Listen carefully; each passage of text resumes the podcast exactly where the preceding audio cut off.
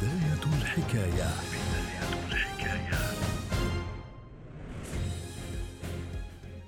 العام 2019 في مناظرة هي الأولى في التاريخ تنجح منظومة ذكاء اصطناعي طورتها شركة آي بي إم الأمريكية في التغلب على البشر. خلال مناظرة موضوعها المخاطر التي يمكن أن تشكلها تقنيات الذكاء الاصطناعي. في المناظرة التي حضرها 300 شخص يسعى طرف المناظرة لدحض الحجج والأسانيد التي اعتمد عليها الفريق الآخر وتنتهي بنجاح منظومة الذكاء الاصطناعي في إقناع الحضور بأن الذكاء الاصطناعي يحقق فوائد للبشرية تفوق أضراره بنسبة تتخطى 51% من الحضور. نجح ذكاء من صنع العقل البشري في التفوق على العقل البشري في إقناع البشر بأهمية وجوده. لكن هذه ليست بداية الحكاية. في العام 1997 يخوض أسطورة الشطرنج جاري كاسباروف مباراة غير تقليدية أمام كمبيوتر من صنع شركة آي بي إم يدعى ديب بلو كان كاسباروف قد حفر اسمه ضمن عباقرة اللعبة عندما أصبح أصغر لاعب يتوج ببطولة العالم للشطرنج في عام 1985 وهو في سن الحادية والعشرين يخوض كاسباروف مباراة من ستة لقاءات أمام ديب بلو البالغ من الوزن طنين والمصنوع خصيصا للعب الشطرنج. خلال اللقاء الأول ينجح كاسباروف في الفوز على ديب بلو بسهولة ولكن في اللقاء الثاني يصدم كاسباروف بالخسارة أمام ديب بلو بعدما تراجع الكمبيوتر عن خطوة كاد يقوم بها وتكلفه اللقاء.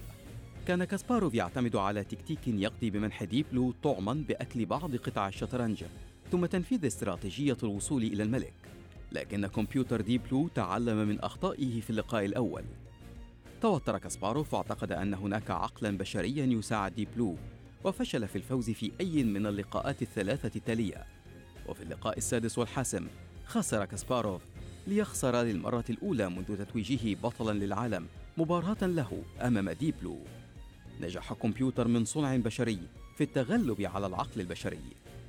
فتح هذا الانتصار شهية المبرمجين ليس فقط بإمداد أجهزة الكمبيوتر بمعطيات تمكنها من أداء مهام أسرع وأكثر دقة من العقل البشري، بل بمنحها القدرة على التعلم وتلافي الأخطاء.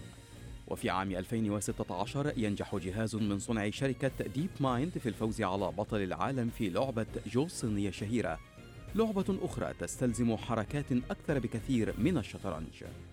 وفي عام 2017 تكشف دراسة لصالح جامعتي أكسفورد البريطانية وييل الأمريكية أن هناك احتمالا بنسبة 50% بأن يتفوق الذكاء الاصطناعي على الذكاء البشري في جميع المجالات في غضون 45 عاما وأن يكون قادرا على تولي كافة الوظائف البشرية في غضون 100 عام.